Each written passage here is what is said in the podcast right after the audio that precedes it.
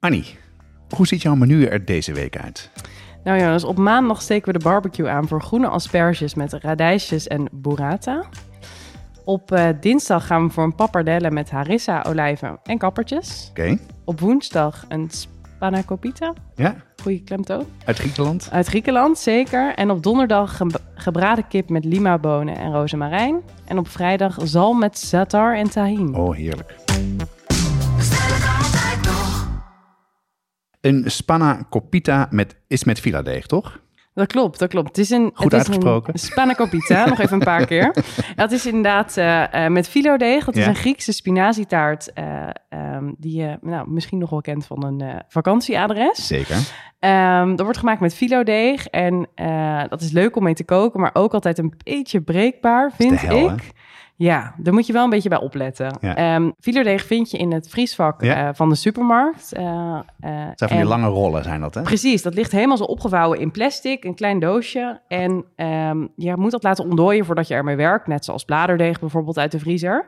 Ehm, maar wat daar eigenlijk de grote, grote tip is, om dat onder een vochtige theedoek te doen. Want als je het eigenlijk aan de open lucht gewoon laat ontdooien, dan droogt het zo uit dat je Ja. er daarna eigenlijk bijna niet meer mee kan werken. En dan, valt het uit elkaar, hè? dan valt het dan al helemaal Ja. uit elkaar. Ja, Goeie tip, hoor. Dus jij doet dat in een, in, een, in, een, in een theedoek die vochtig is. Ja, ja, eronder. Dus ik leg het meestal gewoon op een plank en dan die theedoek eroverheen. Slim. Ja.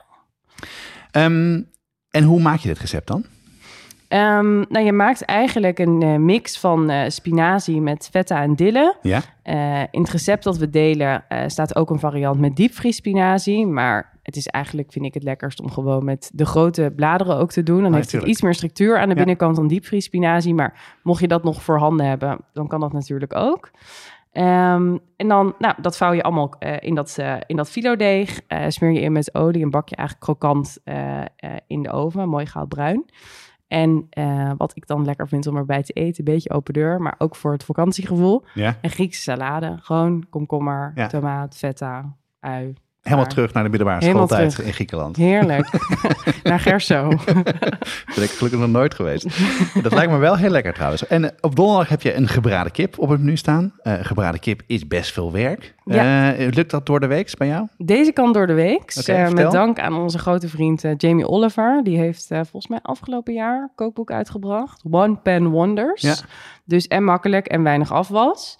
En dit recept staat daarin. Eh, dus gebraden kip uit de oven, maar dan gebruik je drumsticks. Dus dat is qua Ah. garingstijd makkelijker. En je hoeft niet met een hele kip te handelen door Oké. de week. Ja.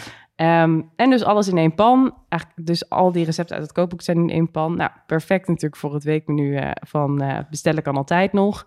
Ehm, en eh, bestaat dus uit kip, eh lima bonen en rozemarijn. En er zit ook eh, wat blauwe kaas, dotjes zit erop een beetje.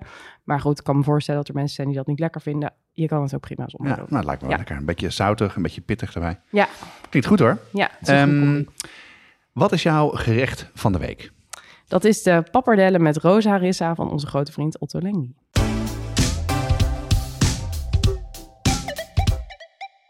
Toban jam en tamarindepasta, Carnaroli rijst en de juiste tahini. Yuzu sap en panko. Moeilijk te vinden, zelfs als je een goede speciaalzaak in de buurt hebt.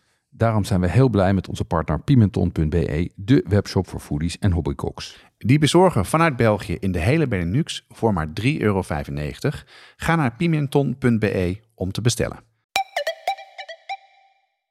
Als ik goed tel op het menu, is dit dus het tweede Ottolenghi gerecht. Want die zalm eh, met zaatar en tahin, dat is ook een Ottolenghi. Klopt, ja? klopt, Ben jij ja. zo'n Ottolenghi fangirl?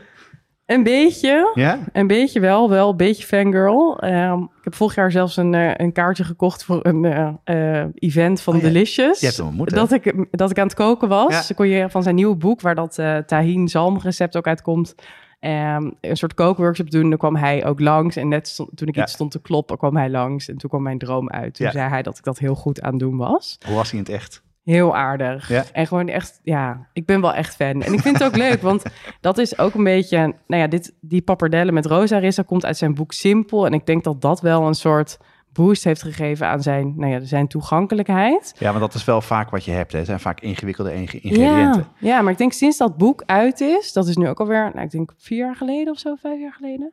Dat, eh, dat je inmiddels dat ook allemaal bij de, bij de supermarkt Ja, kan kopen. Terwijl daarvoor was het echt satar. Dan moest je daar echt wel een beetje voor eh, de hoort op. Wat is dat überhaupt? Ja. Dus dat is leuk. Dus nou ja, dit, dit pasta recept komt ook uit zijn boek Simpel.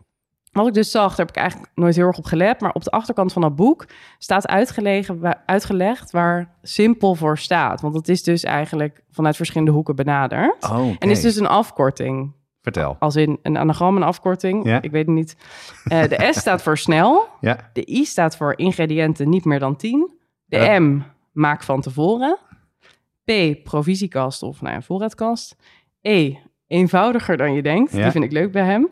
En L is lui. Ja. En dit recept van die pasta is dus... Bij elk recept staan dus die letters ook. En deze heeft ze allemaal. Dus deze staat echt zo Oh, wat op. grappig. Simpel. Zeg. Ja. Hey, en we hadden het net over het feit dat, eh, dat eh, veel mensen, ik ook hoor, als ik heel eerlijk ben, eh Ottolenghi ingewikkeld vindt met, eh met granaatappelpitjes en dat soort dingen waar je flink voor moet omfietsen. Ja, Ehm, jij zei net, veel van die dingen staan nu regelmatig wel in de, in de supermarkt. Ja. Wat heb je nou voor dit gerecht nodig? ja, Van ja. die extra dingen. Is Ja, dat- van die extra dingen. Ja, dat is er dus eigenlijk nog maar één. Daarom, nou, dit noemen wij ook eh, een soort van het bijna uit de voorraadkast recept. Want eigenlijk het, het enige echt funky ingrediënt wat er nog in gaat is roze harissa. Ja, Of gewoon harissa of citroen harissa. Je hebt een paar varianten. Allemaal lekker.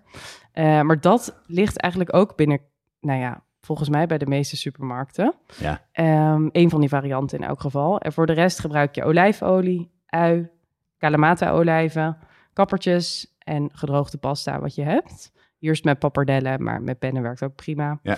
Ehm, en wat je dan eigenlijk nog vers nodig hebt, is platte peterselie als topping en Griekse yoghurt. En eh cherrytomaten, die de basis zijn voor die saus. Maar ook die kunnen uitblik. Oh, ook nog uit blik zelfs. Dat kan. Ja, ja, ja. Ja, Hey, en harissa, daar had je het net over. Dat, eh, dat is iets wat je zeker als je in grote steden bent met veel mediterrane eh, slagers of supermarkten goed te vinden. Wat is dat eigenlijk? Ja, het is een, eigenlijk een soort eh, eh, van oorsprong wel echt pittige rode saus uit Tunesië volgens Ja. mij. Wordt heel veel in Noord-Afrikaanse landen gebruikt. Dus een eh, saus op basis van pepers, tomaten, komijn, koriander, knoflook. waar je dus ook verschillende varianten van hebt. Oh, dat wist ik helemaal niet. Ehm, dus die roze harissa, die ook bij, bij de supermarkt ligt. Citroen harissa met van die geconfijte citroen. En gewoon naturel. Ja, ja. Maar wat ik wel heb ervaren, ik kan zelf niet he- heel goed tegen pittige eten. Nee. Die van de supermarkt is niet heel spicy. Ja. Maar ik had een keer een tube inderdaad van een eh, supermarkt eh, nog uit Amsterdam-Oost. Daar kan je niet een halve tube in doen. dat past niet Dan wordt het een Arabiata in dit geval. Eh, maar supermarkt harissa kan je best wat meer gebruiken. En dat staat ook in zijn kookboeken. Weet je wel, proef en kijk naar het percentage pepers eigenlijk wat ja. erin zit. En dan kan je dat naar smaak eh, kan je dat doen. Ja.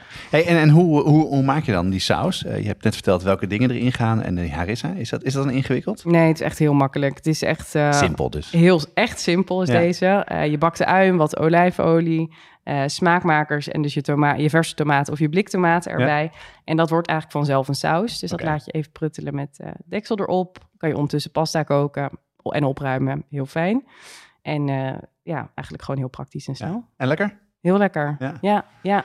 Mooi. Hey, en ik, ik, daar, daar staat geen kaas bij, toch? Als ik je net eh, hoorde vertellen wat de ingrediënten zijn. Nee, nee, bij deze pasta zit geen kaas. Maar eigenlijk, eh, nou ja, heb je een soort als contrast erop. Eet je het met een schep eh, koude Griekse yoghurt. Oh, lekker. En platte peterselie. Ja. Is heel lekker. Zo, hij heeft ook een ander recept met hete tomaten, koude yoghurt. Werkt eigenlijk heel lekker. Ja. En je mist kaas echt niet. Nee, is lekker fris ook meteen. Hè? Ja, ja. Klinkt goed hoor. Nou, ik hou heel erg van pasta maken, maar dan doe ik het vaak op de traditionele Italiaanse manier. Maar ik ga eh, nu toch ook echt wel eh, de harissa even opzoeken en eh, deze pappardellen maken met olijven en kappertjes. Maar die zalm met za- za'atar en tahin lijkt me ook echt lekker. Die is ook lekker. Ga ik Ja. zeker maken. Het hele menu met links naar de recepten staat in de omschrijving van je podcast-app. Als je nou een van deze recepten van het menu maakt, zet die dan op Instagram en tag ons met bestellen kan altijd nog. Dit is een productie van Wat Schaf de Podcast. Volgende week zijn we weer met een nieuw weekmenu, een weekgerecht. Tot volgende week, want ook dan geldt, bestellen kan altijd nog.